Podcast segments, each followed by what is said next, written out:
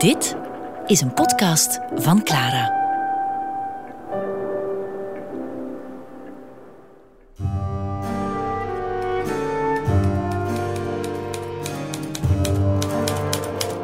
Exactly do they do, and first exactly and exactly, and do they do, at first exactly and first exactly, and do they do, the first exactly. De vele levens van Gertrude Stein met Greet van Tienen.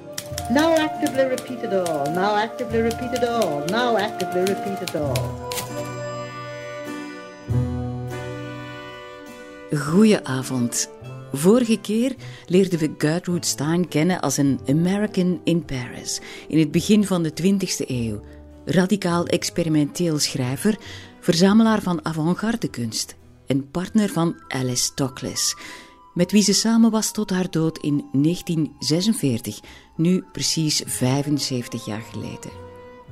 Als schrijver was ze bekend in modernistische kringen, maar haar werk werd nauwelijks uitgegeven tot in 1933 de autobiografie van Alice Toklas verscheen, waarin Stein de stem van Alice leent om over zichzelf te vertellen.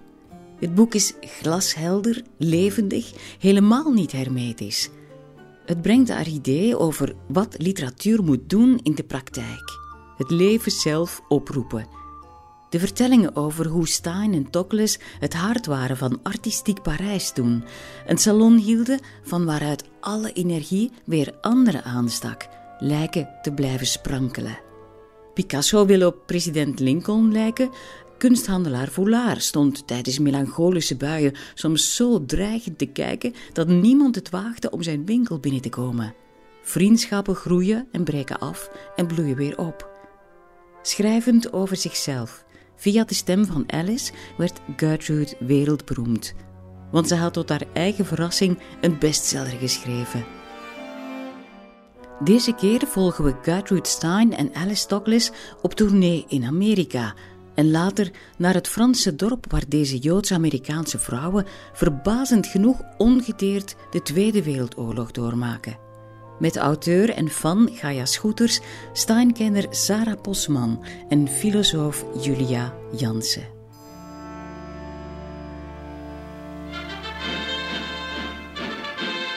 In oktober 1934, na zowat 30 jaar in Europa, keren Stein en Tokles voor het eerst terug naar het moederland Amerika.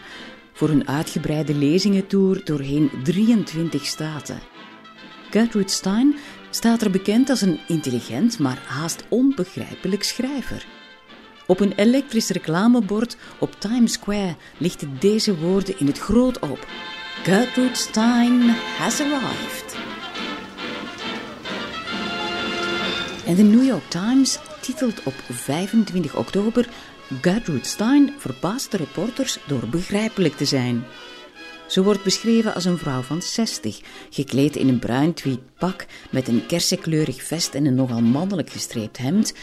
De hoed is een Steinhoed, een hoed even volhardend als de herhalingen in haar teksten. De hoed stond boven haar bruine, openhartige ogen en op haar kort geknipte hoofd. Een vrolijke hoed, zodat het leek of ze net uit Robin Hood's bos kwam gesprongen om een nieuw woordpatroon aan te kondigen. En dan staat er: Miss Stein verraste de reporters door een taal te spreken die iedereen kon begrijpen. De Sibylle van Montparnasse probeerde duidelijk te maken dat ze normaal en intelligent is. Dat is niet eens zo'n gekke uitspraak, want Amerikaanse psychiaters suggereerden in de pers aan het begin van haar lezingentour dat ze met al die gekke herhalingen en het telkens herbeginnen misschien wel leed aan een stoornis die palilalia heet, het dwangmatig herhalen van eigen woorden of zinnen. Dat paste trouwens in de overtuiging dat heel dat modernisme de kunst van gekken was. Gelukkig sterven die geruchten over een diagnose even snel uit als dat haar faam explosief groeit. Gertrude Stein en Alice Toklas ontmoeten George Gershwin, Charlie Chaplin en drinken thee met Eleanor Roosevelt goodwill ambassadors from the old world to the new. In een radio-interview vraagt de reporter haar of haar experimenteel werk met herhalingen en kleine verschillen wel begrijpelijk is. In coming to the United States collection this time, realize that there are many people who will be able to comprehend your ideas. Stein lijkt zeker van haar stuk. Kijk, zegt ze. Ik bedoel met begrijpen ervan genieten. Als je er plezier in hebt, begrijp je het. But I mean by understanding enjoyment. If you enjoy it, you understand it. And lots of people have enjoyed it, so lots of people have understood it. Velen hebben ervan genoten, dus velen hebben mijn werk begrepen. Je moet plezier hebben in mijn teksten om te begrijpen. En als je er niet van geniet, waarom maak je er dan zo'n heisa van?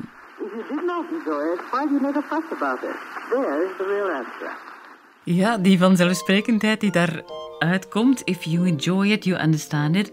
If you do not enjoy it, why do you make a fuss about it? Zegt ja, ze daar. Ga dan iets anders doen. Ja.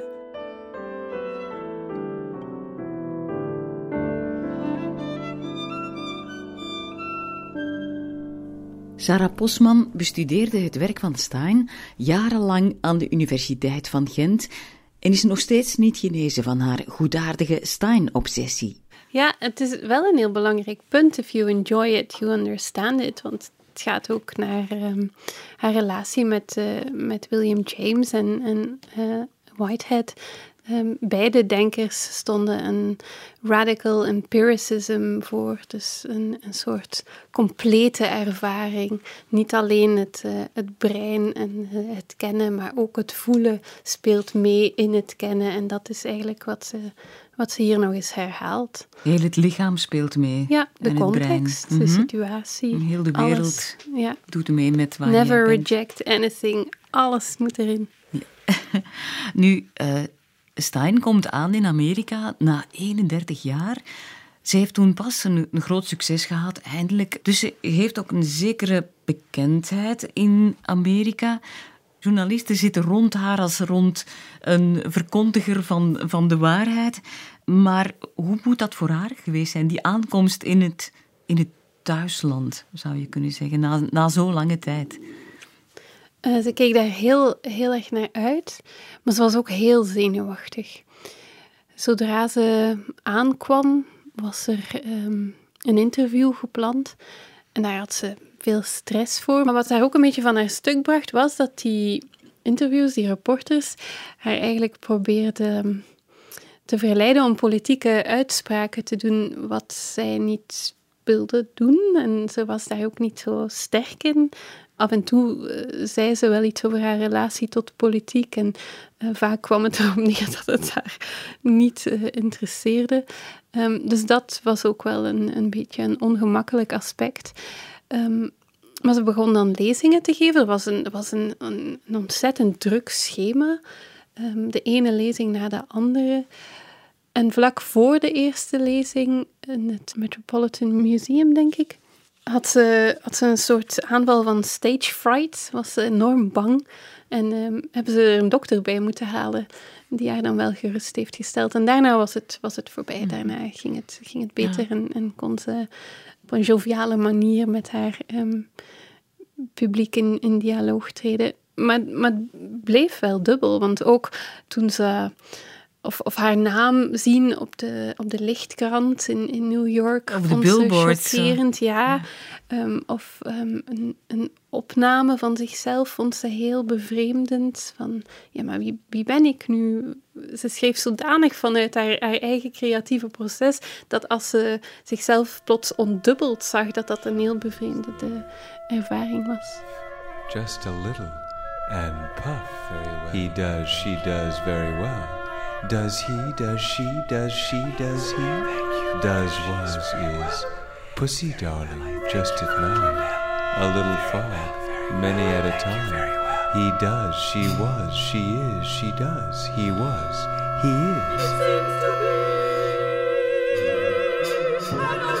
is.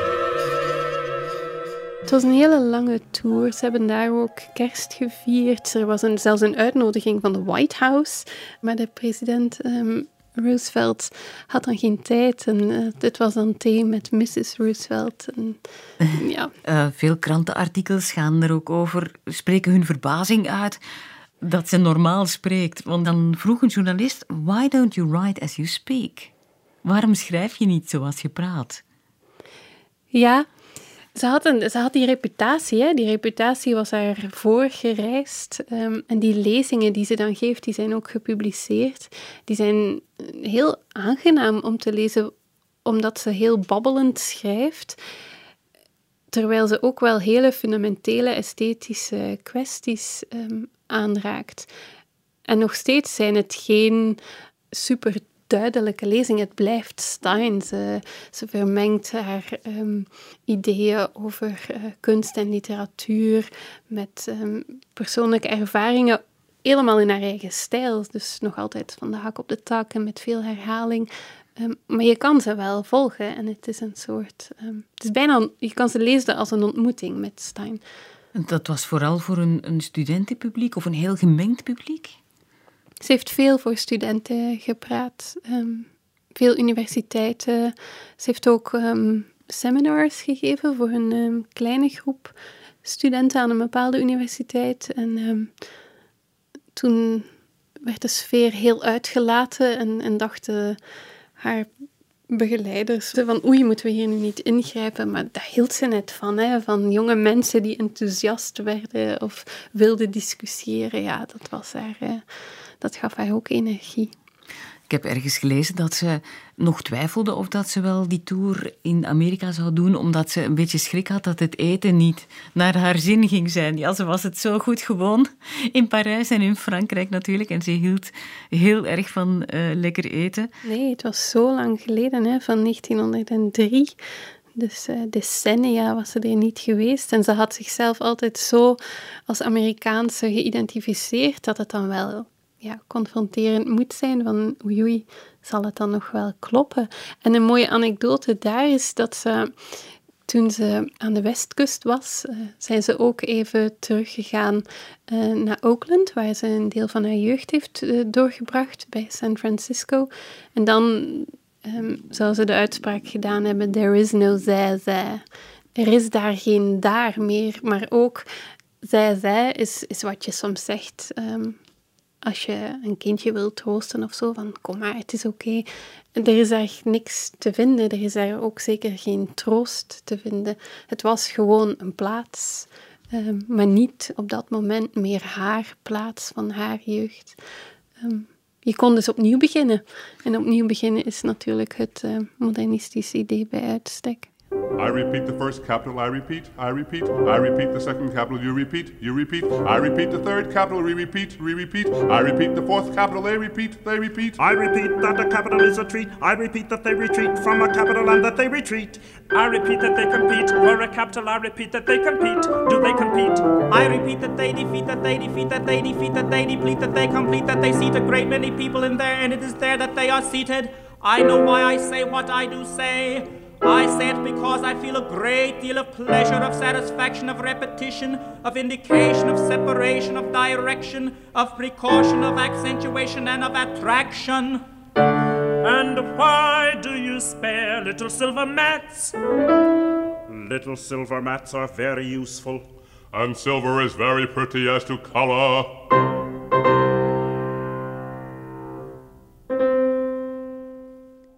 In Amerika zei Stein op een keer: Ik schrijf in de stijl die ik ben. I write in the style that is me. Je hebt materiaal in jezelf en in de mensheid en dat gebruik je. Dat is alles. Ik beschrijf wat ik voel en denk.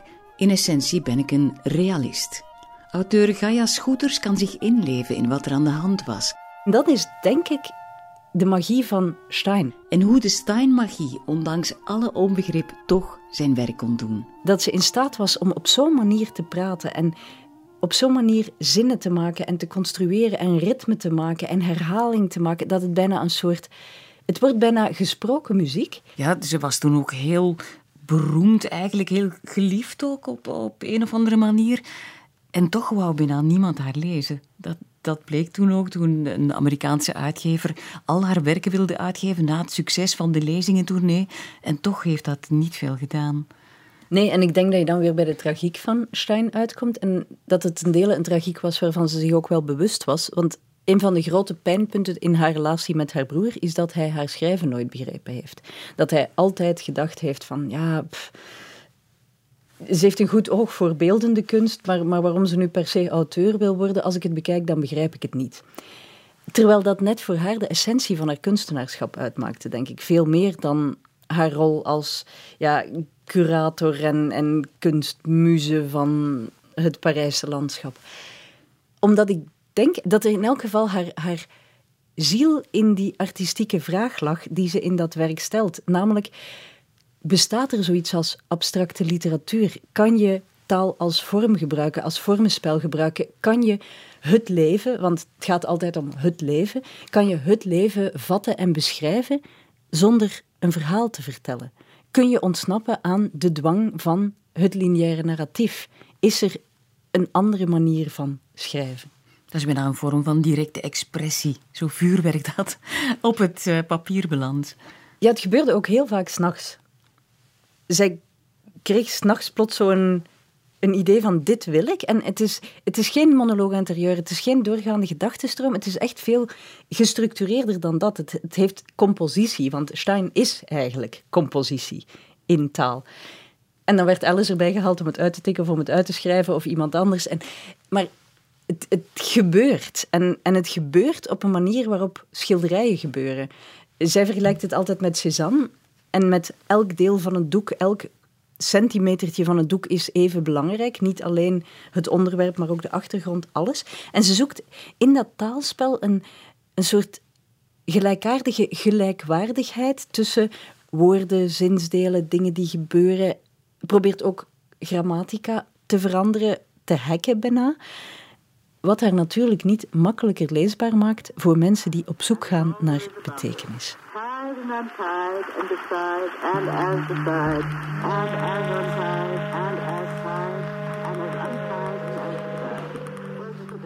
Het dubbele van Steins positie na het succes zit hem ook in de paradox begrepen willen worden, bekend en erkend willen zijn, zeker, en dan toch terugschrikken voor dat succes. Want heb ik mezelf niet verraden met dat vertelboek, de autobiografie van Alice Douglas? Ben ik nu die vrouw die over heel Amerika lezingen houdt met telkens volle zalen? Of ben ik die radicale onderzoeker die bijvoorbeeld de abstracte gedichten van Tender Buttons schreef? Tender Buttons, je zou het kunnen vertalen als tedere knopen, is een soort abstracte gedichtencyclus uit 1914, waarin Stein objecten, voedsel en kamers probeert op te roepen door de essentie ervan weer te geven. Dat gaat van een blauwe jas of een doosje via ontbijt en asperges tot salad dressing en een artichok. Dit is bijvoorbeeld het begin van Roast Beef, op muziek gezet door Luc Houtkamp met de stem van Stephanie Paan.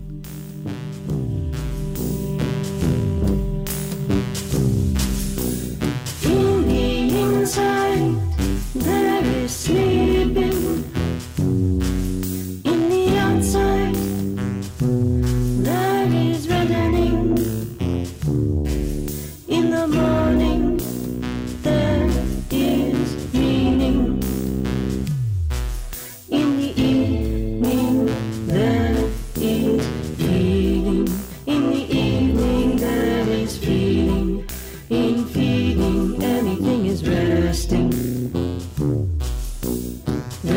resting,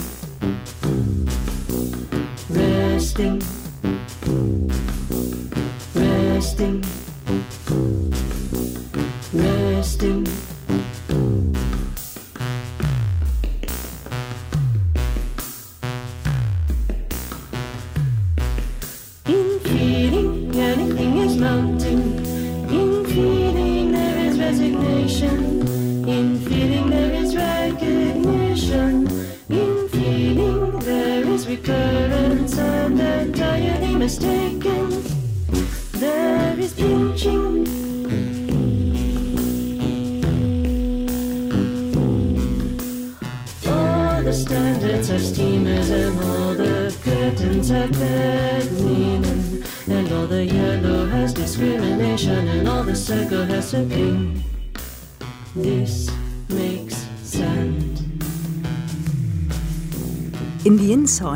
There is sleeping. In the outside, there is reddening. In the morning, there is meaning. In the evening, there is feeling. In the evening, there is feeling. In feeling, anything is resting. In feeling, anything is mounting. In feeling, there is resignation. In feeling, there is recognition. In feeling, there is recurrence. And entirely mistaken, there is pinching. All the standards have steamers, and all the curtains have bed linen, and all the yellow has discrimination, and all the circle has circling. This makes sand. Very well. Certainly the thinner, and the rest, the round rest, has a longer summer. To shine, why not shine? To shine, to station, to enlarge, to hurry. The measure, all this means nothing if there is singing.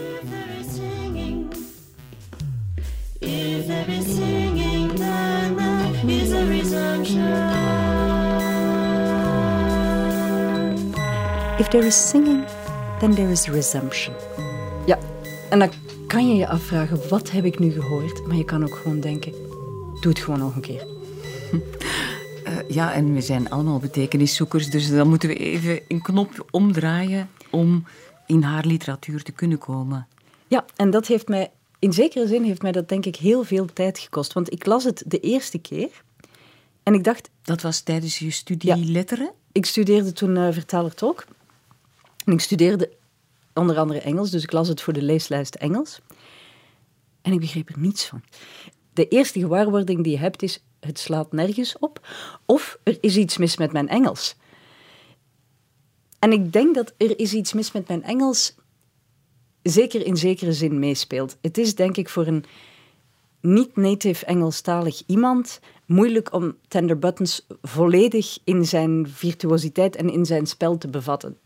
Dat is trouwens ook ooit gezegd uh, over haar eerste boek. Is die vrouw wel Engelstalig? Is Engels wel haar eerste taal? Dat is het gekke, want veel mensen denken Stein schrijft eigenlijk gebrekkig. Of maakt eigenlijk geen volledige zinnen. Maar dat wordt dan toch vrij makkelijk weer tegengesproken als je dan de getuigenissen leest van hoe zij sprak en hoe mensen zeiden dat ze sprak.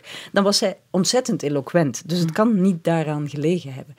Ik denk wel dat haar Engels in de loop van haar leven getransformeerd is geraakt. Omdat ze altijd in een niet-Engelstalige omgeving heeft gewoond. En dat dat ook iets doet. Op een gegeven moment, denk ik, ontwikkel je een soort van taal die alleen nog met jezelf spreekt. Of vooral met jezelf spreekt. Dan wordt het jouw Engels. Maar het niet begrijpen van Stein is niet alleen een taalprobleem.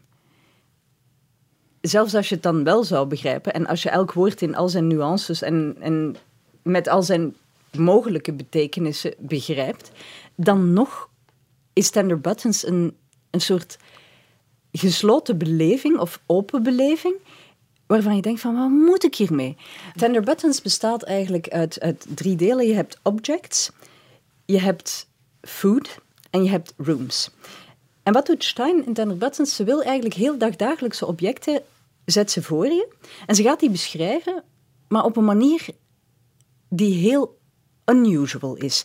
Niet met de gebruikelijke adjectieven die je zou gebruiken om een beschrijving te maken, maar met heel ja, vreemde keuzes van woorden en vreemde manieren van kijken. En eigenlijk met de bedoeling ten eerste om je blik te triggeren van ga nu eens opnieuw terugkijken naar een object dat je alle dagen ziet en daardoor eigenlijk nooit meer ziet. Zoals een waterkaraf of een, een doosje of een jas. Dingen die je niet meer bewust ziet, omdat je ze zo vaak ziet. En zo kan je naar Tender Buttons gaan kijken. Maar je kan natuurlijk ook, er bestaat ook een soort van ja, autobiografisch, biografische um, lezing van Tender Buttons. Die zegt, Tender Buttons is eigenlijk een beschrijving van haar leven op dat moment. Bijvoorbeeld Roast Beef, een van de, van de delen in Food, gaat eigenlijk over haar ruzie met haar broer. Want op een gegeven moment trekt Alice in en haar broer vertrekt. Omdat de vanzelfsprekendheid waarmee zij met Alice plots dat huwelijk aangaat, voor Leo er net te veel aan is. Gaat roastbeef daarover? Ja, ik weet het niet. Je kan roastbeef zo gaan lezen, maar ik denk niet dat Stein roastbeef zo geschreven heeft. Ik denk dat Stein zich in Tender Buttons onwaarschijnlijk geamuseerd heeft met de mogelijkheden van taal en ritme en betekenis. Want ja, Tender Buttons, tender is natuurlijk teder en zacht en is een, is een vreemde connectie met buttons als je het als knopen ziet. Het wordt wat anders als je buttons gaat lezen in zijn erotische betekenis, waar buttons ook wel wat uh, associaties kan oproepen. Maar tender is ook wisselmunt. En dan gaat het toch weer terug naar taal en het ding. En dat spel vind ik heel fascinerend. En ik denk, de grote ommekeer in, in Stein lezen voor mij is gekomen op het moment dat ik ben opgehouden te proberen Stein te begrijpen. Hmm. Blue Coat is in zekere zin, denk ik, helderder. Of zou je in elk geval kunnen zien als iets wat over een blauwe jas gaat. A blue coat. A blue coat is guided, guided away, guided and guided away. That is the particular color that is used for that length, and not any width, not even more than a shadow. Mooi die laatste zin, het schildert ook een beetje een beeld. Het schildert altijd, denk ik, een beeld dat tegelijkertijd die blauwe jas is, elke blauwe jas is, elke mogelijke blauwe jas is, of de gedachte van een blauwe jas is. En dan kom je natuurlijk weer dichter bij die abstractie die ze zoekt, want het is geen beschrijving van een bepaalde blauwe jas. We trekken onze favoriete blauwe jas aan, zetten onze hoed op die doet denken aan Robin Hood en trekken met Stein en Toklas terug naar Frankrijk. We gaan meteen ook terug in de tijd, naar een heel gelukkige tijd. Een gelukkige tijd voor Gertrude Stein.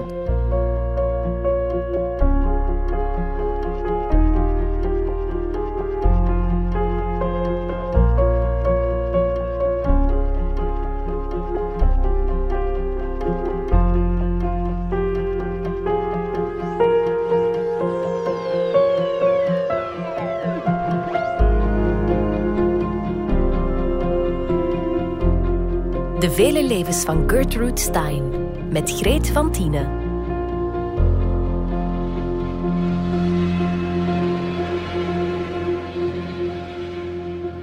In de zomer van 1924 toerden Gertrude Stein en Alice Douglas door Le Bugey in een open tifo die ze Lady Godiva noemde. Ze waren op weg naar hun vriend Picasso, die helemaal in het zuiden aan de Côte d'Azur verbleef, maar hadden het zo naar hun zin in de vallei van de Rhône, dicht bij de Alpen, dat ze er bleven hangen. Verleid door de adressen in de culinaire gids van gastronoom Kurnonski en door het verrassend open landschap. Eens je door de rotskloof La Cluse des Hôpitaux bent gereden, bloeit het landschap helemaal open.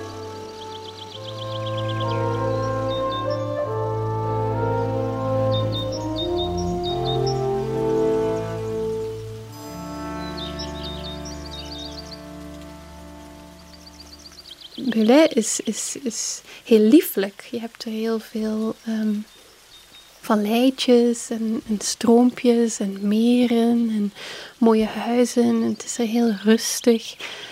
En ze werden verliefd op, op die streek. Ze verbleven eerst in een hotel en ze zijn dan jaren naar dat hotel blijven terugkeren.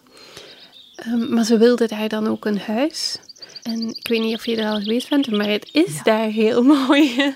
het is heel pastoraal, hè. Dus dat was een soort rust die plots was wat ze nodig had. Weg uit dat drukke Parijs. Ja, op dat moment was het salon van voor de oorlog al een tijdje geleden. En die groep was ook een andere groep geworden. En um, dat was dus waar ze wilde schrijven, op die plaats. En ze wilde daar een huis. En plots zagen ze een prachtig huis. Maar het zag er bewoond uit, want de ramen stonden open en de gordijnen wapperden uit de, de, ramen. En ze zijn dan gaan vragen van, ja, van wie is het huis? Um, zouden we het kunnen huren? Ah nee, dat kan niet. Um, het is bewoond door een, door een militair. Er zijn verschillende um, anekdotes over hoe ze uiteindelijk toch dat huis hebben kunnen huren. In The Autobiography of Alice B. Toklas schrijft Stein dat het in orde kwam, zoals alles voor haar altijd in orde kwam.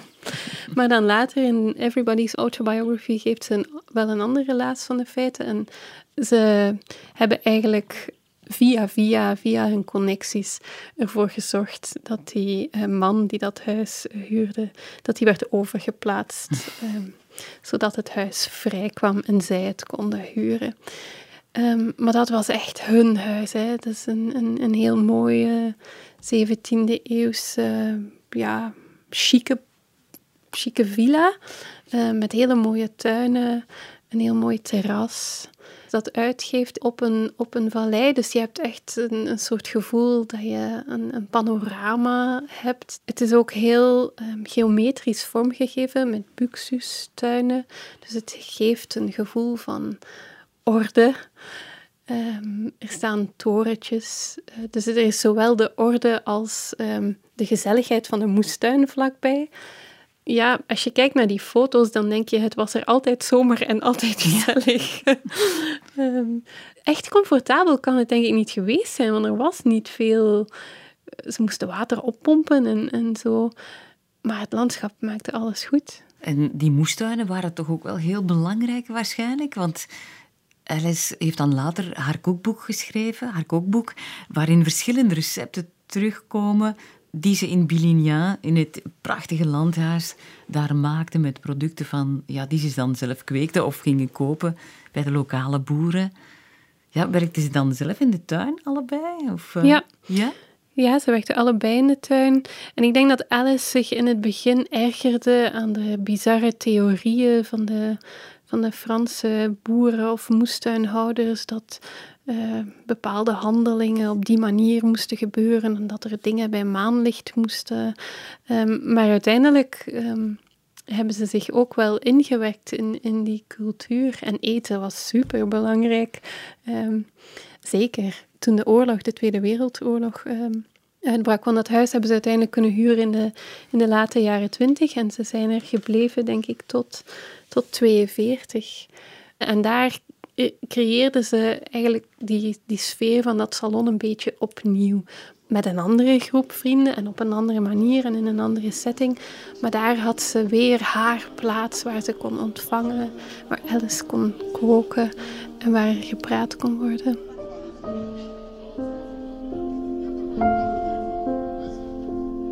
Enkele jaren na de dood van Stein publiceert Alice Toklas haar wonderbaarlijke kookboek. Het is een mix van memoires en recepten, getuigenis ook van genereuze maaltijden met vrienden. De jaren in Billignan, waar ze met zoveel plezier zoveel tijd doorbrachten, nemen dan ook een groot deel van het boek in. De twee Parisiennes zijn in het begin echte stadsmensen, maar toch begint Alice onverschrokken aan een grote moestuin. De dorpelingen zeiden me niet met nieuwe of volle maan te planten, dat kan het zaad even weinig schelen als mij, was mijn ongeduldige antwoord daarop. Maar dat bleek niet zo te zijn. En over de omgang met insecten. Wespen, horzels en bijen steken mij vrijwel nooit. Hoewel mijn omgang met hen toch altijd heel agressief geweest is. Gertrude Stein had het niet zo op ze. Nog op spinnen, duizendpoten of vleermuizen. Buiten wond ze zich er niet zo erg over op, maar binnenshuis riep ze om hulp. De middelen om van ze af te komen waren vastberadenheid, een bezem en een pincet. Een van de vaste gasten was Picasso. Voor hem verzon Alice het gerecht baars voor Picasso, versierd met een modernistisch tafereel van fijn geplakt ei, truffel en kruiden, alhoewel Picasso vond dat het misschien toch meer geschikt zou zijn ter ere van Matisse. Een ander recept was gigot de la Clinique, een recept dat ze kreeg van een chirurg. Je moet het gebraad eerst dagenlang marineren en dan, en dat is de clue, bewapen je je met een grote injectiespuit gevuld met cognac en sinaasappelsap waarmee je het gebraad te lijf gaat. Maar het prettigste recept uit dat kookboek van Alice Douglas moet toch wel dat voor Hashi's cake zijn of Hashi's fudge, die zoals de ondertitel luidt, iedereen in elkaar kan flansen op een regenachtige dag. This is the food of paradise, a Baudelaire's artificial paradise. It might provide an entertaining refreshment for a ladies' bridge club or a chapter meeting of the DR. Ze noemt het snoep uit het paradijs. Het kan een vrolijke verfrissing zijn op een dames bridge club Alice Douglas had niet voor niets de Roaring Twenties meegemaakt en de kunstenaarsfeestjes in Parijs. Ze leest zelf het recept in. Take one teaspoon black peppercorn. Neem een theelepel zwarte peper, nootmuskaat, kaneel, koriander, gedroogd fruit en noten, allemaal fijn hakken. And peanuts. Chop these. En dan verpulver je een flinke bussel cannabis, A bunch of cannabis sativa. Die je samen met de rest kneedt. Rolled into a cake. Rol het in een cake en snij ze in stukken of rol er balletjes van zo groot als een walnoot. Twee ervan is ruim voldoende. Two pieces are quite sufficient. So that was that. It never went into the American edition. De Amerikaanse uitgever weigert het hashrecept op te nemen. De Engelsen daarentegen waren moediger. The English are braver. We're not courageous about that sort of thing. If I told him a completed portrait of Picasso, if I told him, would he like it? Would he like it if I told him? Would he like it? Would Napoleon? Would Napoleon? Would? Would he like it? If Napoleon, if I told him, if I told him if Napoleon, would he like it if I told him? If I told him, if Napoleon? Would he like it if Napoleon? If Napoleon, if I told him? If I told him if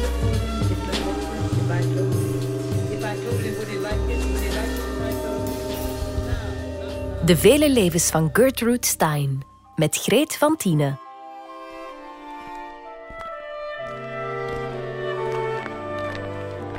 Intussen in het landhuis in Biligna. Hoewel Gertrude in huis lange brede gewaden droeg van Balmain, couturier Pierre Balmain maakte deel uit van hun vriendenkring, was ze voor de dagelijkse wandelingen vooral comfortabel gekleed. Tweetpakken en onbestemde regenjassen. Ze liep meestal met de witte poedel Basket aan de leiband. De poedel was best een groot exemplaar, maar toch klom hij binnen huis wel eens bij Gertrude op schoot om er urenlang te blijven liggen. En Alice had een chihuahua, Pepe, die haar altijd achterna kwam getrippeld als ze de deur opende voor bezoekers. Twee jaar geleden ben ik ehm, met vakantie gegaan naar die streek in Frankrijk en stond ik eh, dus voor de deur van de villa in uh, Billignan te hopen dat ik ehm, de tuin zou kunnen zien. En de eigenaars waren in de tuin aan het werken en die zagen, oh nee, er is weer een Stein van die voor de deur staat. Maar die was eh, uiteindelijk heel vriendelijk en heeft mij ook ehm, binnengelaten en eh, uitleg gegeven. En eh, ja, hij vertelde dat, ehm, dat het, ehm, het was een oude man en het was eh, zijn schoonmoeder geweest ehm, die Stein en Alice had gekend. En hij zei, ja, Madame Stein, zo verwezen ze naar haar. Madame Stein Madame was Stein. Een, eh, een graag geziene aanwezigheid in dit eh, dorp. Nogmaals, ze babbelden, hè. Ze babbelden met iedereen. En ehm, ze vroeg naar de kinderen, en naar de gezondheid. En eh, ze bezorgde eh, boeken aan het schooltje. En, Ja, en ze ging zoals in Parijs elke dag met de hond wandelen. ja, soms ook in het maanlicht. En dan scheen de maan op de witte poedel. Het moet wel een bizar gezicht geweest zijn. Stein met haar poedel in dat hele kleine Franse dorpje tussen de boeren. Hebben ze zich daar even goed thuis gevoeld als in die grote stad Parijs, waar zoveel gebeurde, in dat kleine dorp? Ja, het was een heel andere ervaring, maar ze schrijft er heel liefdevol over. Ze heeft ook heel mooi werk geschreven in die periode, eh, met eh, sensuele natuurervaringen. En ehm, ze was ook heel tevreden over dat werk. Ze had een, eh, het was voor haar een, een late jaren twintig, jaren dertig, was een, een, een creatieve periode waar ze heel veel energie uit kon, uit kon halen. Waren dat dan ook bijvoorbeeld de plays eh, die, die ze schreef? Ja, ze is eh, plays beginnen schrijven eigenlijk al heel vroeg, in de jaren tien. Maar dan in de jaren twintig werden dat melodieuze stukken, zoals ze ze zelf noemde. En heeft ze bijvoorbeeld een hele fijne opera geschreven, Four Saints in Three Acts, ehm, die ook chockvol eh, humor zit alweer. Eh, met heel veel stemmen van ehm, heiligen en een, in, een, prachtig eh, pastoraal landschap. Ehm, dus wat we zien qua verandering in haar werk is dat er een soort fascinatie voor het, ehm, het onveranderlijke bij komt. Ehm, in de jaren tien wilden ze vooral de beweging vatten. En de difference is spreading, alles verandert de hele tijd. Maar dan in de jaren twintig, door in dat landschap te zijn, en het was daar zo stil, stelden ze zich de vraag van ja, alles verandert de hele tijd, maar er is ook heel veel dat schijnbaar niet verandert. En hoe kan ik dat recht doen in mijn werk? En dat heeft ze dus, of één oplossing daarvoor was door met heiligen aan de slag te gaan. heiligen zijn vanuit een bepaald perspectief tijdloze figuren. Mhm. Ja, als je zo'n landschap ziet, dat maakt natuurlijk wel een, een, grote indruk. En zij hield het daar heel erg van, hè, om door het landschap te rijden en te wandelen. Ja, the landscapes of all landscapes that meant the most to Gertrude Stein. Zo verwijzen ze ernaar. Ja, het was helemaal hun, hun, hun ding.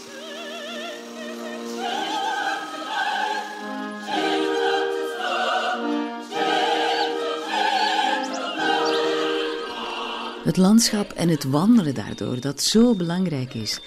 Er is die uitspraak van Stein over het proces van het schrijven. Zie je, je bent helemaal ingenomen door wat je aan het doen bent. Je wordt ouder en wat het dan ook is dat je hebt, bezit je in die mate dat het je zogezegd kan vergezellen als je gaat wandelen.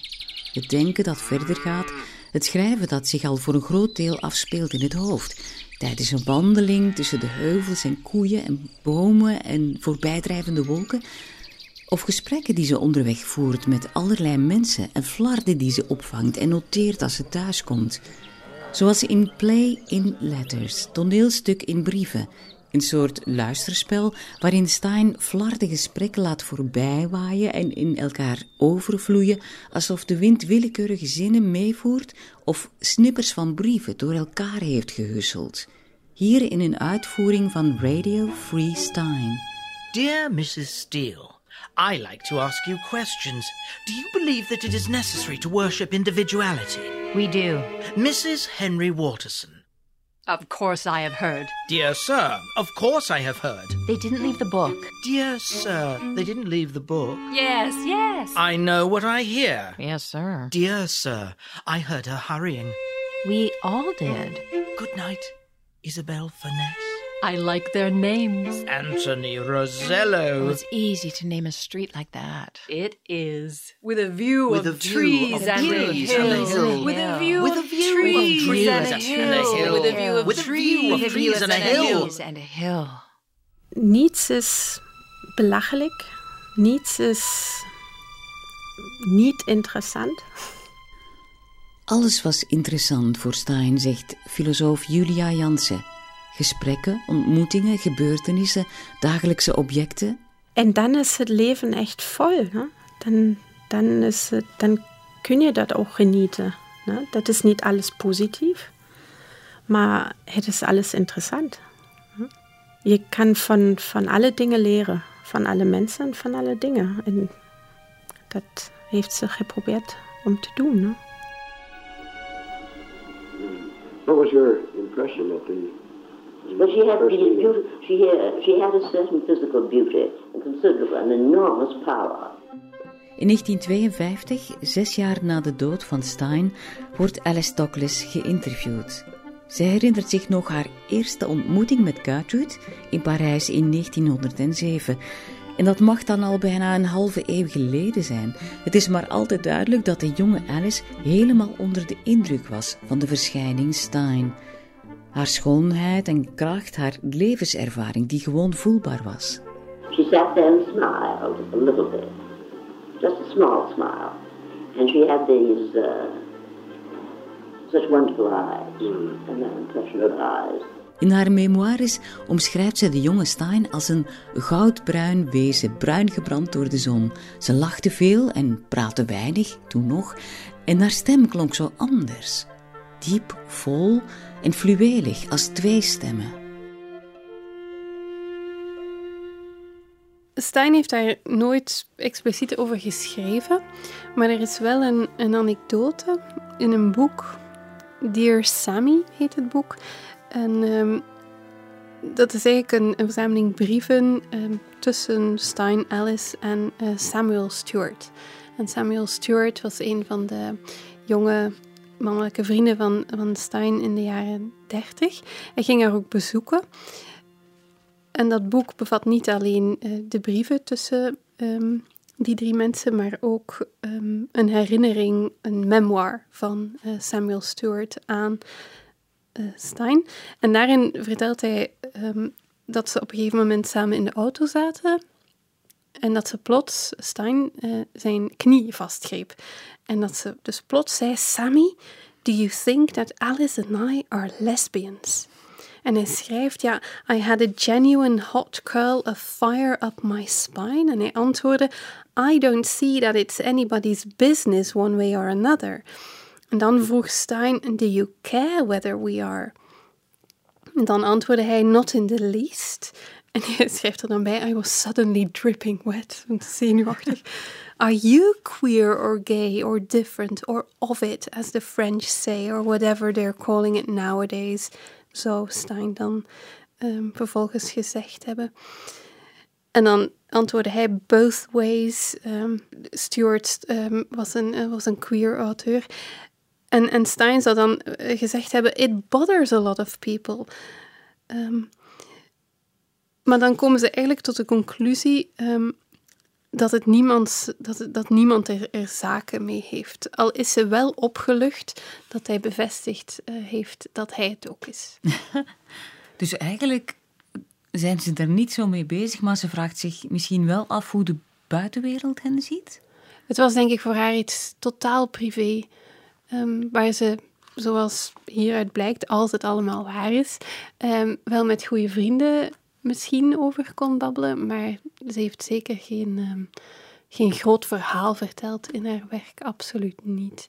Hoewel het allereerste werkje dat ze schreef gaat wel over het verwerken van een, uh, een driehoeksrelatie tussen um, drie vriendinnen. En dat, was, dat was ook autobiografisch, maar dat uh, heeft ze nooit uitgegeven. -hmm. Nu, de indruk die, die wij krijgen is dat ze met een heel grote evidentie dat leven leidt dat ze doet met, met Alice Douglas. Daar zit iets heel normaal, natuurlijk, uh, evident aan. Ja, matter of fact.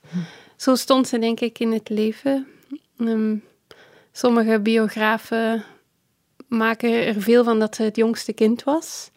Dat ze ervan uitging dat alles wel uh, goed zou komen, dat iedereen voor haar zou zorgen. Het was een optimistisch, uh, optimistisch mens. Maar het was heel pragmatisch, heel matter of fact, heel gewoon en, en, en heel gelukkig huwelijk, ook al waren ze niet officieel getrouwd. Zagen ze zichzelf als getrouwd, denk je? Er zijn, denk ik, wel allusies op.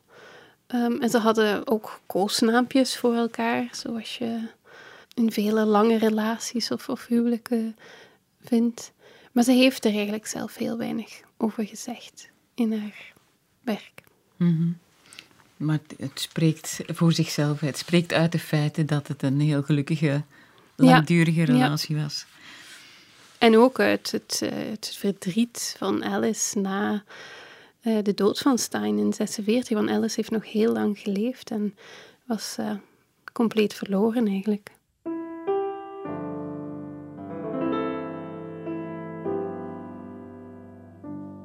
Er komt altijd ook een soort van lichte ongemakkelijkheid naar boven. Want het is heel verleidelijk om te denken, die twee hadden het eerste gelukkige lesbische huwelijk uit de literatuurgeschiedenis dat in elk geval ongefilterd tot mij is gekomen. Um, maar was het allemaal wel zo rooskleurig? Want je merkt dan toch dat Tokles...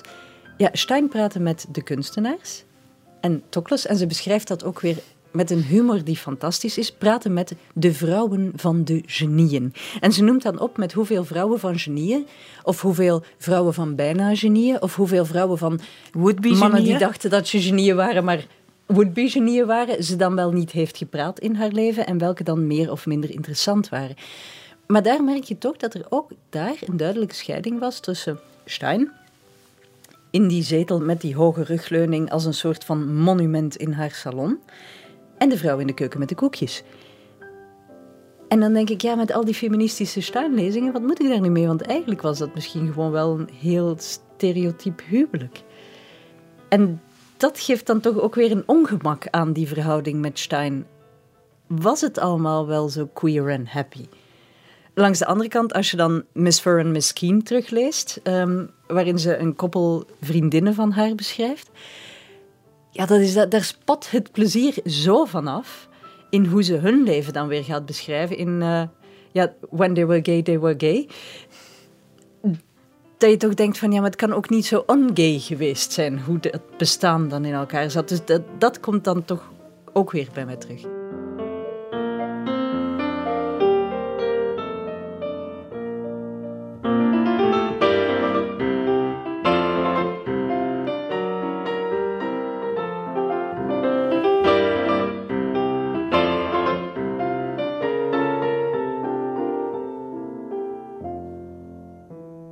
Gertrude sprak zich in het openbaar niet uit over haar relatie met Douglas, maar er is wel dat gedicht van Stein uit 1922. A Valentine to Sherwood Anderson, opgedragen aan haar vriend Sherwood, maar in feite grotendeels een liefdesgedicht voor Alice. She is very lovely, and mine, which is very lovely. Very fine is my Valentine, very fine and very mine. Very mine is my Valentine, very mine and very fine. Very fine is my Valentine and mine. Very fine, very mine and mine is my Valentine. If you hear her snore, it is not before you love her. You love her so that to be her beau is very lovely. She is sweetly there, and her curly hair is very lovely. She is sweetly here, and I am very near, and that is very lovely. She is my tender sweet, and her little feet are stretched out well, which is a treat and very lovely. Her little tender nose is between her little eyes, which close and are very lovely. She is very lovely, and mine, which is very lovely. Would a song by any other name sound as sweet and true?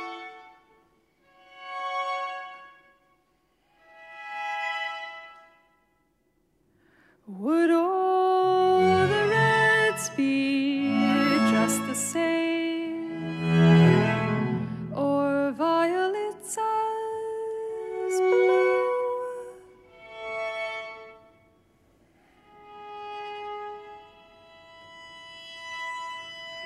If you were gone, would words still flow, and would they rhyme? If you were gone, would I still know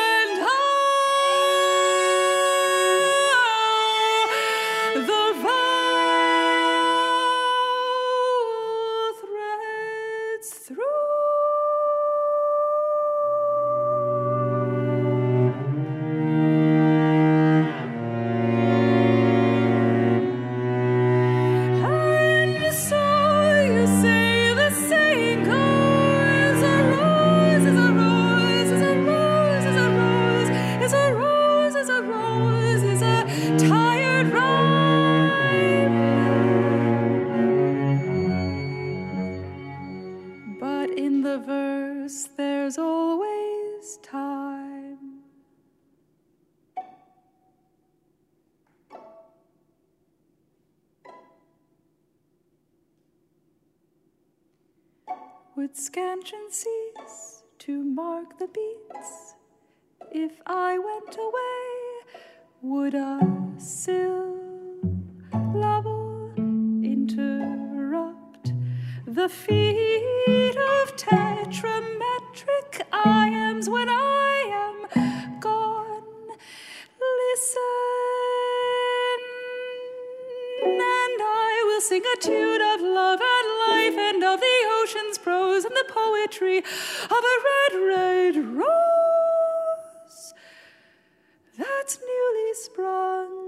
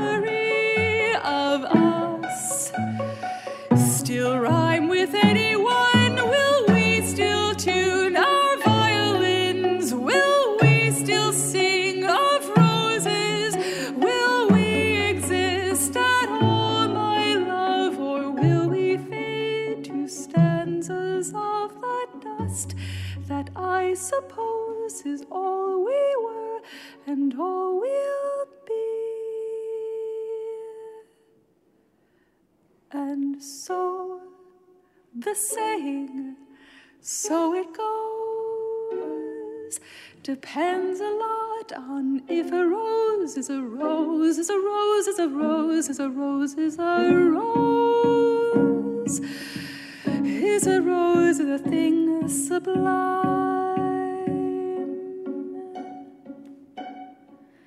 And so we stay on borrowed time.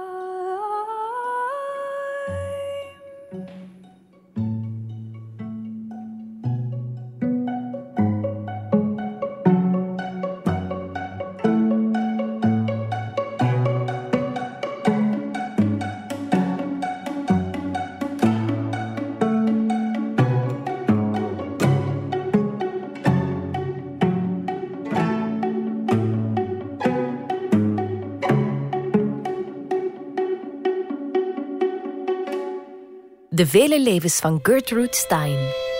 Met Greet van Tienen. There is one. There was one Gertrude. She was not a person who was scattered in any way. She was her own, uh, her own province. Janet Flanner, een vriendin en journalist, drukt het prachtig uit. Gertrude was haar eigen provincie. Er was slechts één, één Gertrude. Niet verspreid over verschillende karaktertrekken of aangepast aan telkens weer andere omstandigheden. Nee, there is one, only one. Alice was cautious, reflective, and creative, and rather malicious. Uh, Gertrude could be destructive, but malice was not her gift. Alice had a gift for it.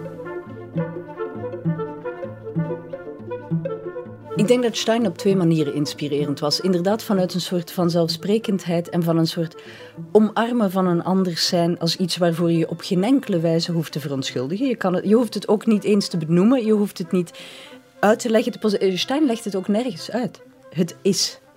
Wat zeker begin 20e eeuw een, een waanzinnige positie is. Als ik dan terug ga naar de Anais Nin-periode.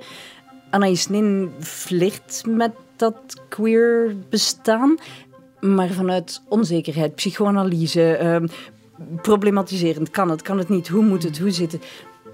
Stein vindt het moeite niet om het neer te schrijven. Het is. I like to eat. I like to eat. I like to cry. Not in real life, but in books.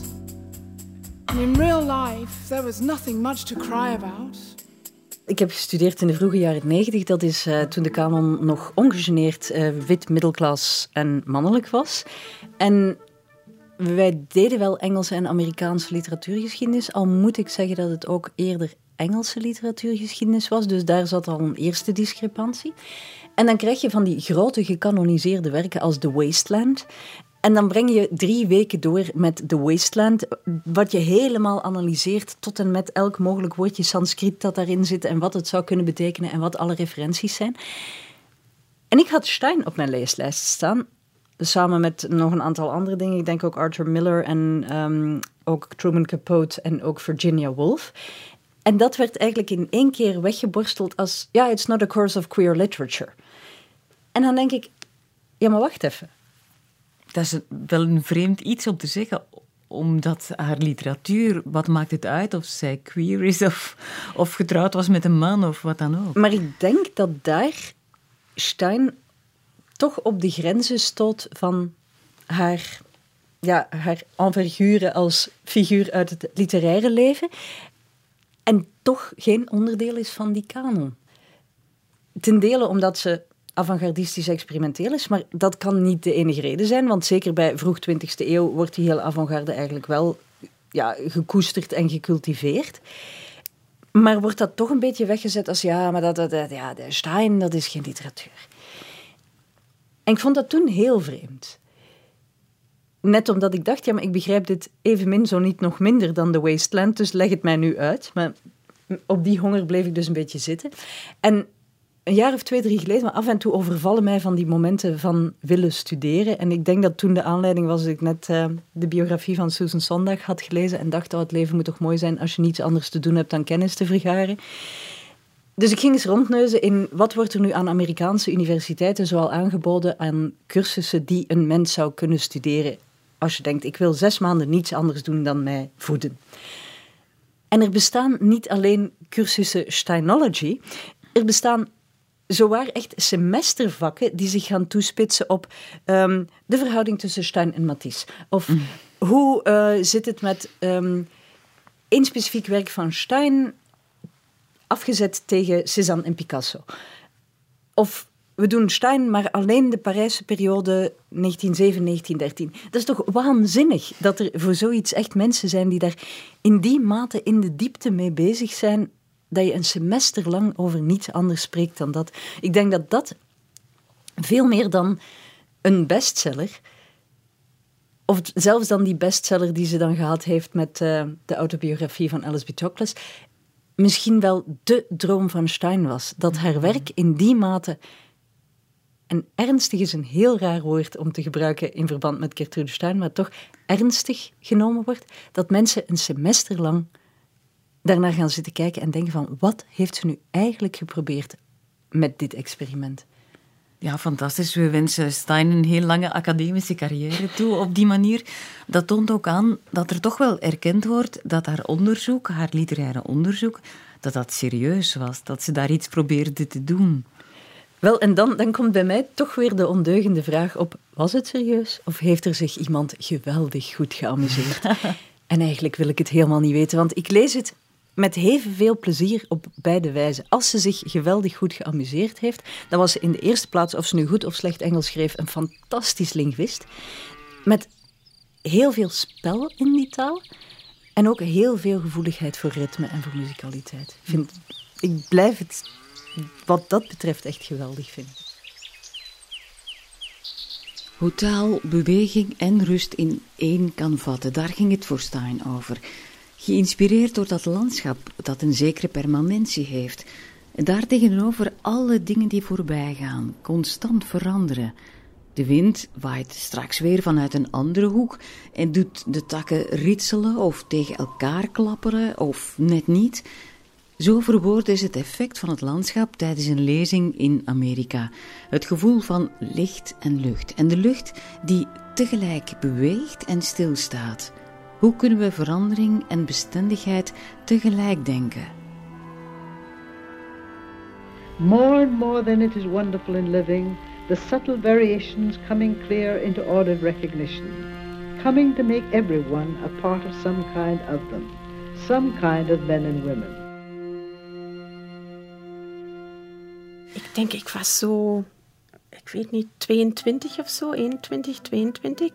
En ik moet zeggen, ja, er was niet uh, wat klikte. Ik kon niet, ja, kon niet echt binnenstappen. Ik vond het heel. En ik, ik denk nu ook dat dat, ja, ik was um, op dit moment ja, aan het leren van de conventionele regels, ne? van literatuur, van filosofie en, en zoiets. En um, de teksten van Gertrude Stein en kan je vrijer maken, maar je moet ook al een beetje vrijer zijn om, om um, dit echt genieten en, en uh, waarderen te kunnen. Ne? Um, en ik was nog niet bereid ne? Op, op dit moment. Filosoof Julia Jansen is het werk van Stein en de autonomie waarmee ze in het leven stond heel erg gaan appreciëren. Ik denk er zijn nog steeds niet vele vrouwen, misschien niet vele mensen, die zo de vrijheid nemen als, als uh, Gertrude Stein. Op de ene kant heeft ze vrijheid gehad, omdat ze ja, financieel onafhankelijk was en, en ne, Ze is, uh, ze is naar de universiteit gegaan. Ze, ze studeerde uh, medicijn. En dan, ja, is ze naar Parijs vertrokken en heeft een heel andere leven begonnen. En zonder verontschuldigingen. En dat, is, dat vind ik nog steeds uitzonderlijk. En nog, ja, ze moest vertrekken om zo te leven. En er waren vele vrouwen in, op dit moment in Parijs.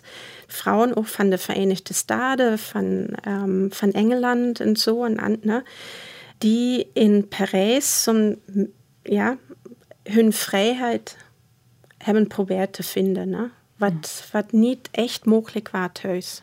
Maar ja, dan heeft ze echt haar leven zo geleefd, ja, zoals ze dat wilde leven. Ja. Daar ben ik aan, onder de indruk van. Ja. Echt.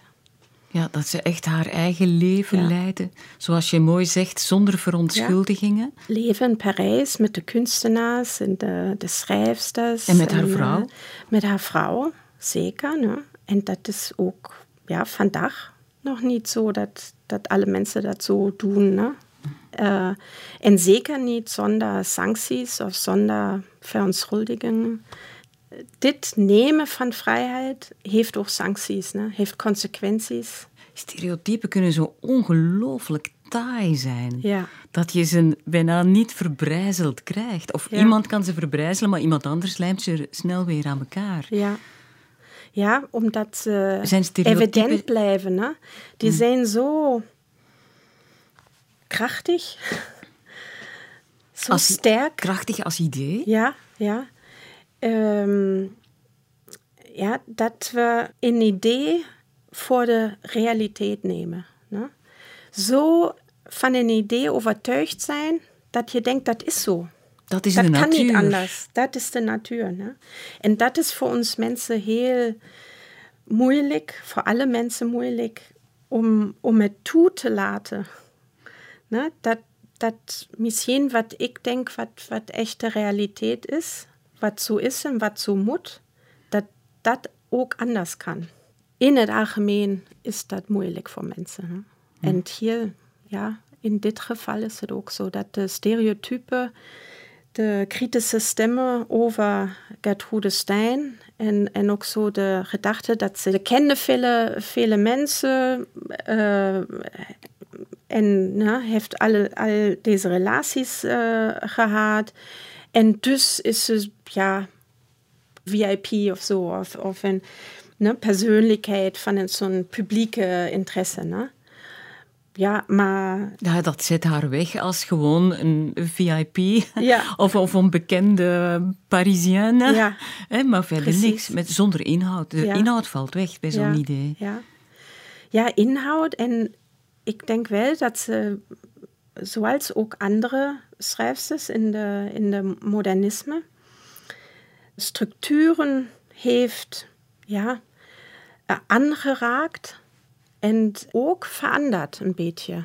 Ja, structuren die we zo in het hoofd hebben en, en die zo krachtig zijn als idee, dat we denken dat is zo. Dat is de realiteit. En de manier waarin zij schreefde, brengt deze echt eh, rigide vormen en structuren een beetje in beweging. Ne?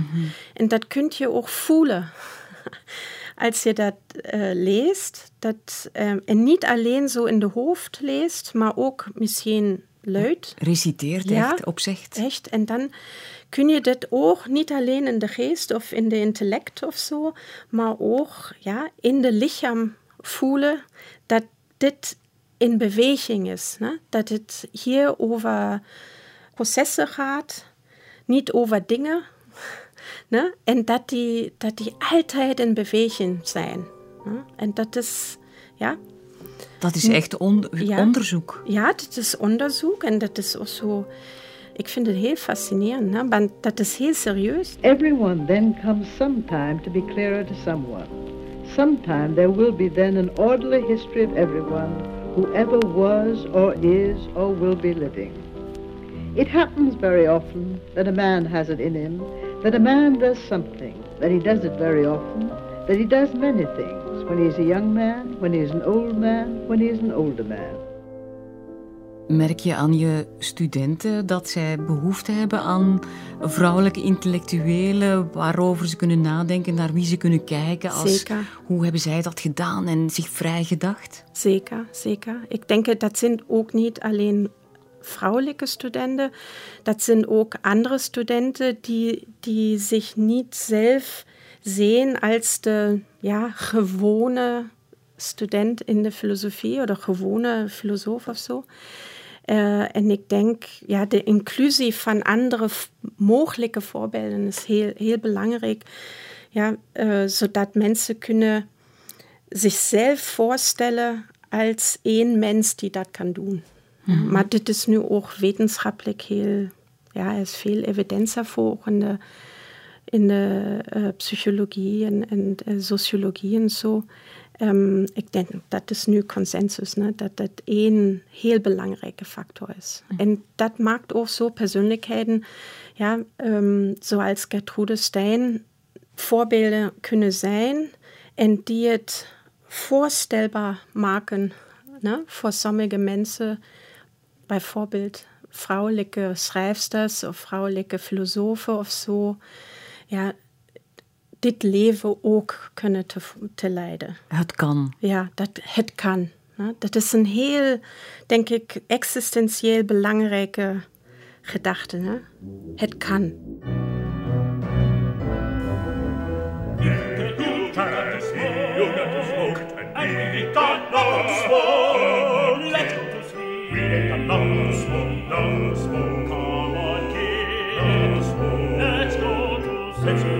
De vele levens van Gertrude Stein.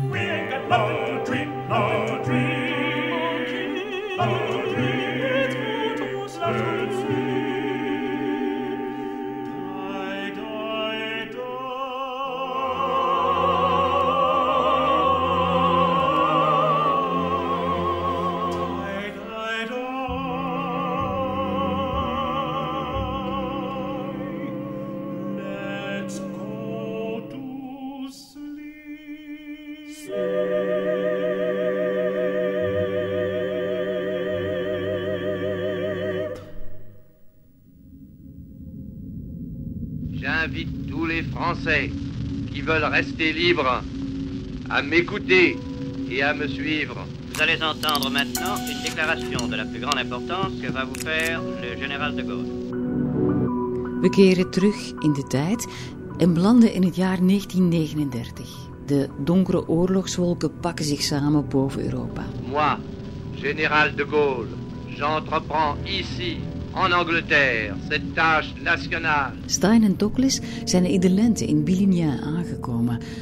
En ze zullen er de hele oorlogsperiode blijven. Liefst vijf jaar en zeven maanden lang. Vive la France, libre, dans l'honneur et dans l'indépendance. Na de oorlogsverklaring reden ze wel nog even heen en weer naar Parijs om hun documenten op te halen en twee schilderijen van de collectie, maar dat was het. Wat hun buitenhuis was, werd plots een soort ballingsoord. Of misschien eerder een schuiloord of een asiel. Het was het allemaal. Twee Joods-Amerikaanse vrouwen. In een dorp op het Franse platteland tijdens de nazi-periode.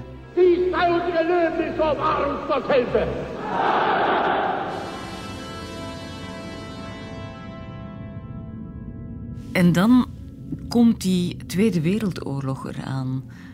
En zij besluiten van in Frankrijk te blijven en nog wel in Billignan en daar de oorlog proberen door te maken. Twee Joods-Amerikaanse vrouwen, een koppel. Uh, de ene verzamelt avant-garde kunst en schrijft experimentele literatuur. Dat lijkt me totaal geen evidentie om dan onder een door nazi's uh, in gang gezette oorlog, om dan daar te blijven en veilig te blijven. Nee, dat is inderdaad een heel um, bizarre episode. Um, Frankrijk was toen in twee verdeeld. Je had het bezette gebied um, waar al hun kunst zich bevond, Parijs. Uh, maar Billignan lag in het Vichy-gebied. en een heel belangrijk figuur in hun oorlogsjaren is hun vriend Bernard Fagy. ehm, die een grote Amerika-liefhebber was. Ze hebben elkaar leren kennen, ik vermoed, in de late jaren twintig. En hij is heel vaak in Bidinien op bezoek geweest. Hij was ook uh, een speelfiguur in de, in de lezingenreeks die ze heeft gehouden in 1934-35. Um, hij had in Amerika gestudeerd, hij had in Amerika les gegeven. Maar hij was ook echt een, een Franse um, literatuurman. Hij um, verkeerde in de literaire kringen. Hij was een, een man met een reputatie, maar ook een, uh, een, een hele rechtse katholieke. Dat, dat was ook deel van, van zijn leven. Dus in dat Vichy-regime werd hij een heel belangrijk politiek figuur. Hij, werd hoofd van de Bibliotheek Nationale en hij had een directe lijn met uh, Pétain, die, die op dat moment al stokoud was, maar aan de macht. Um, en voor hen, voor Stein en uh, Toklas, um, was hij degene die ervoor gezorgd heeft um, dat ze daar konden blijven. Zij heeft dat nooit zo gezegd, um, maar dat blijkt wel uit onderzoek. Hij heeft ervoor gezorgd dat ze min of meer comfortabel en veilig op het Franse platteland die oorlog konden uitzitten. Wat heel vreemd is, want um, ja, heeft ook vreselijke dingen gedaan. Hij heeft ervoor gezorgd dat de vrijmetselaars werden achtervolgd. Er zijn, heeft ook doden op zijn uh, geweten. Maar Stein was Amerikaans en hij hield van Amerika. Mhm. En die vriendschap, dat was genoeg om al die moeite te doen om die twee vrouwen veilig te houden en ook de collectie in Parijs veilig te houden. Heeft hij daar ook speciale dingen moeten voor organiseren? Of, uh? Ik vermoed het wel. Ik denk dat het feit dat ze zijn kunnen ontsnappen aan zoveel drama, dat hij daar echt uh, de grote figuur uh, in is geweest. Hij is nadien uh, wel vervolgd en um, moest dan een gevangenisstraf uitzetten wegens collaboratie. Maar dat was na de dood van Gertrude. En toen heeft Alice um, wel veel aan veel touwtjes proberen trekken. En heeft zij ook uh, ervoor gezorgd dat hij is kunnen ontsnappen naar Zwitserland.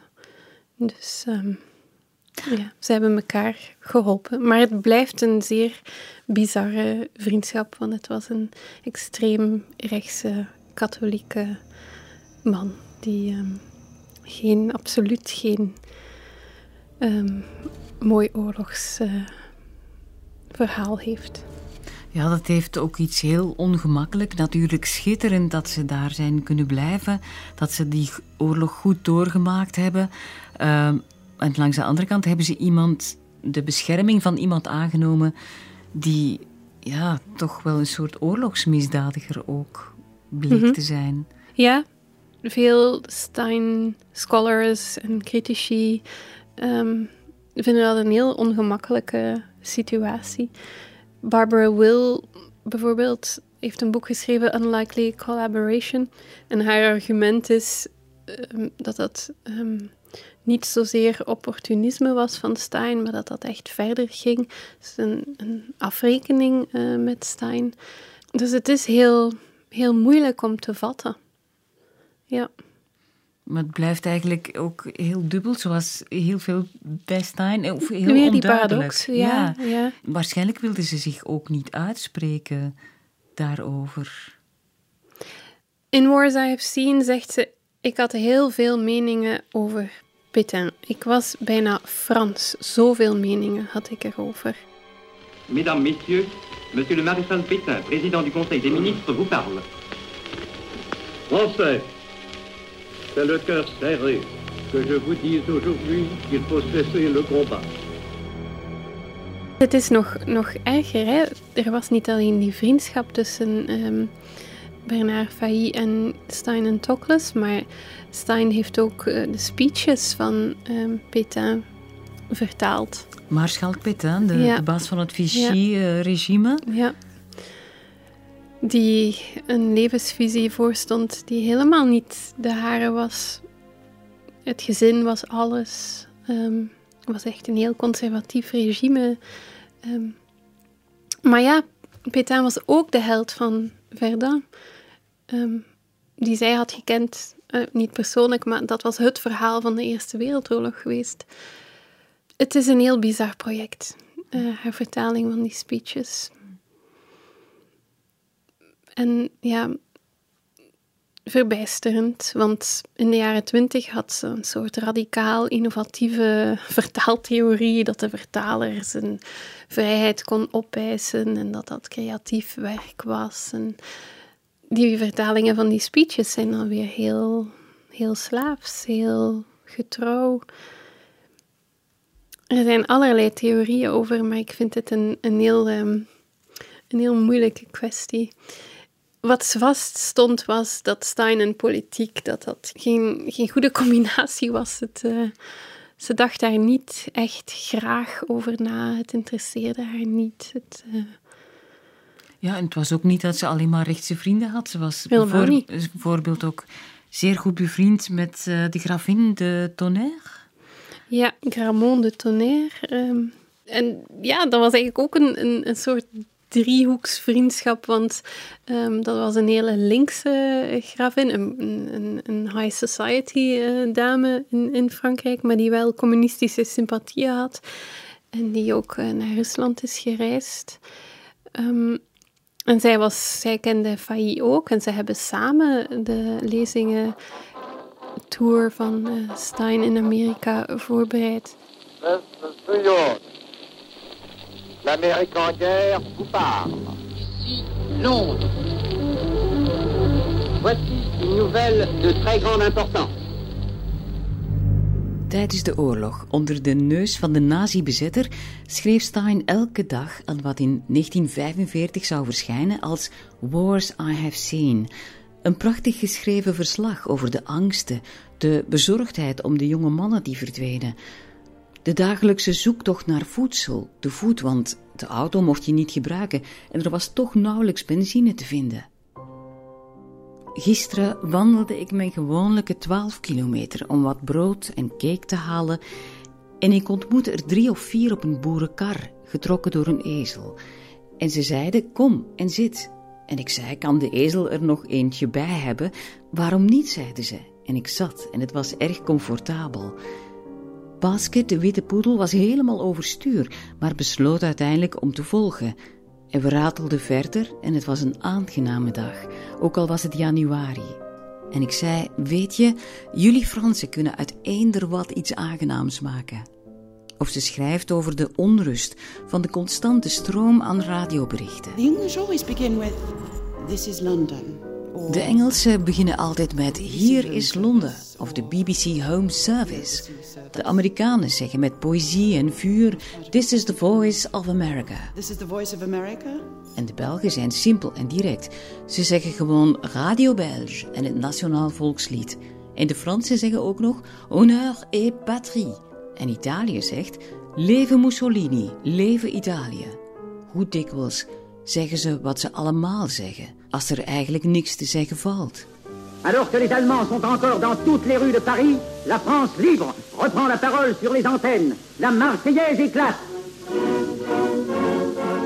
Als de oorlog eindelijk voorbij is en de eerste Amerikaanse soldaten in het dorp verschijnen, is de blijdschap groot. In Wars I Have Seen, zegt Stein, wat een dag, wat een dag ter dagen. Ik heb altijd gezegd dat ik dit boek zou eindigen met de eerste Amerikaan die naar Culoz kwam. En vandaag, oh gelukkige dag, gisteren en vandaag, de 1 september 1944. What a day, what a day of days. I always did say that I would end this book with the first American that came to Culoz. And today, oh happy day, yesterday and today, the 1st of September 1944. There have been six of them in the house. Oh, happy day. That is all I can say. Oh, happy day. Ja, het is ook weer vintage Stein. Heel eenvoudige woordenschat, uh, veel herhaling. En, um, maar dat werkt ontroerend. Enorm veel gevoel, enorm ja. ontroerend, ja. Want dat is, Wars I Have Seen is een, een heel persoonlijk uh, verslag over niet alleen de Tweede, maar ook de Eerste Wereldoorlog en, hoe haar twee oorlogservaringen van elkaar verschilden. En eigenlijk blikt ze nostalgisch terug op die Eerste Wereldoorlog. En vindt ze de tweede verschrikkelijk, want ze was bang en het konden alleen maar aan eten denken. En het zoeken naar eten bepaalde de hele dag en liet niet zoveel ruimte voor andere dingen. En de mensen tussen wie ze leefde en die ze dus ook graag zag, ja, heel veel mannen waren gevangenen, moesten gaan werken voor Duitsland. Heel veel ongerustheid in dat dorp. En dat raakte haar enorm. Ja, veel jongeren die verdwenen, nooit meer Mhm. terugkwamen. Ja. Of anderen die in de maquis zaten, in het verzet. Ja, en treinen die vertrokken. Als, je dan, als wij dat nu lezen, is dat... Als je, als je weet dat dat geschreven werd door een, een lesbische Joodse vrouw op dat moment, dan denk je, oh help, er had zoveel kunnen gebeuren. Ja, Ze schrijft ook over het moment dat ze het advies kreeg van eh, iemand, een, een advocaat, denk ik, die zei van je moet hier weg. eh, of, of iemand uit het gemeentebestuur, ik kan het me niet goed meer herinneren, maar die zei je moet nu weg, je moet je, je paspoort nemen en je moet vluchten naar Zwitserland. Het is hier absoluut niet veilig voor jou. Maar ze, ze, ze hebben dat dan toch niet gedaan. Ze, ze durfden dat niet. Het was... Het idee dat ze zouden moeten vluchten was nog beangstigender, denk ik, dan het idee dat ze, dat ze verraden of opgepakt zouden worden. En het is hen gelukt om te blijven. Mhm. Ja, wat was dat dan dat hen toch deed blijven? Eh, konden ze zich niet indenken dat ze ergens anders de oorlog moesten doormaken? Ja, ze waren op dat moment ook al, ik denk, ja, in de laat, ze, waren ouder dan 60 en, en het idee dat ze plots alles dat ze zo goed kenden zouden moeten achterlaten en, en opnieuw beginnen. En, en ik denk echt dat dat te beangstigend was. Dat, dat er dan een soort dekseltje dicht ging in, in het hoofd en dat ze zeiden van nee, nee, we blijven hier, het zal wel in orde komen. Een strategie die, ze, die al vaak had gewerkt, maar die op dat moment ontzettend gevaarlijk was. Maar die toch, ja, het is, het is hen toch gelukt. Hebben ze dat achteraf begrepen, denk je? Welk gevaar dat ze precies gelopen hebben? Alice zal het zeker begrepen hebben, want zij heeft nog ehm, heel die naoorlogse periode eh, meegemaakt. En ook het proces van Failly. En zij heeft dat allemaal eh, beleefd. Maar Stein is gestorven in 46. Echt nog in die, in die bevrijdingsroes. eh, toen ze optrok met jonge Amerikaanse soldaten. Dus dat is moeilijk te zeggen. Mhm. Ja, na die oorlog, dus de Amerikanen waren er. En Stein is dan rond de 70. En dan trekt ze nog op tour of zo met, met die eh, jonge soldaten, met die jonge Amerikaanse soldaten. Ja, of We Went to See Germany is de titel van het artikel dat ze erover schreef. Dus ze reisden naar, naar Duitsland, Ja, na ja, ja. Duitsland. Ja, samen met Amerikaanse soldaten ging ze op tour in Duitsland en bezochten ze ook eh, de bunker van Hitler. En ehm, ja, ja, het is eh, voor ons, of voor mij, een, een, een vreemd gegeven. Maar ze hield enorm van die jonge mannen en van de bevrijdingsenergie. En ze vond het allemaal geweldig dat ze dat nog mocht meemaken. Na al die lange jaren van isolement, plots met zoveel enthousiasme. En dan nog als, als overwinnaar van de oorlog, eh, als Amerikaanse. ehm, die reis kunnen maken en praten met die jonge mensen. En, ja.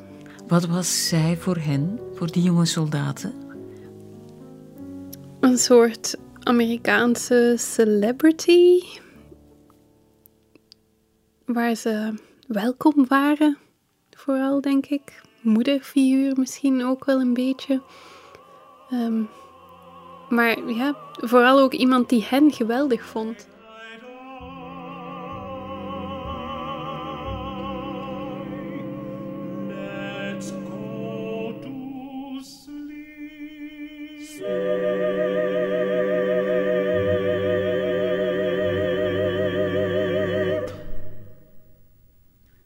What is the answer? I was silent. In that case, what is the question? Wat is het antwoord? Ik bleef stil. In dat geval, wat is de vraag?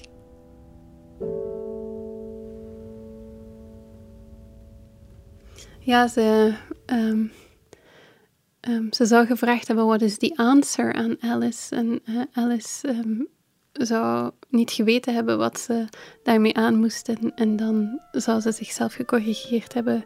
But then, what is the question? Ehm, dat zou dan haar laatste, haar laatste zin geweest zijn. Heel Staniaans. Ja, Wat ja is het, het opent antwoord? het weer allemaal. Hè. Wat is de vraag? Ook de dialoog, talking en listening, zit, er, zit erin. Ja. En de uitnodiging naar de lezer.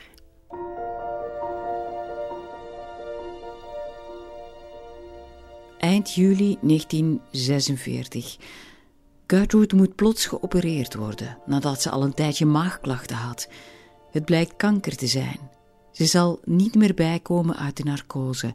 En deze in de lucht zwevende Steiniaanse vragen zijn haar laatste woorden, zoals Alice Douglas ze neerschreef in haar memoires. Dus ze blijft wel een inspiratiebron, omdat haar werk zo ongrijpbaar is en tegelijkertijd helemaal van de tijd. En ook, ja, er zit ook een, een, tijdloosheid in, omdat het zo een uitnodiging is naar de lezer van doe jij nu maar je dingen mee, doe maar. En dat is heel fijn om mee aan de slag te gaan. De lezer blijft ook vrij om de eigene associaties bij te pakken en om de eigene gedachten ook te laten wandelen ne? en, en te laten verder, verder gaan. En als er nu één iets is wat nooit eenduidig sluitend zal zijn, dan is het wel Gertrude Stein. Leven het contraire. Leven het contraire en leven het complexe. I fly those flights of a fluid and swallowing soul. My course runs below the soundings of plummets.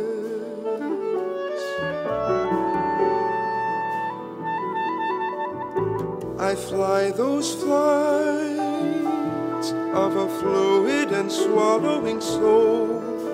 My course runs below the soundings of plummets.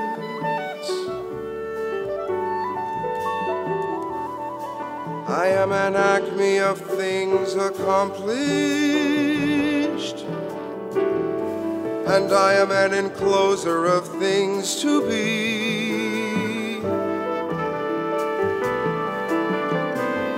I fly those flights of a fluid and swallowing soul.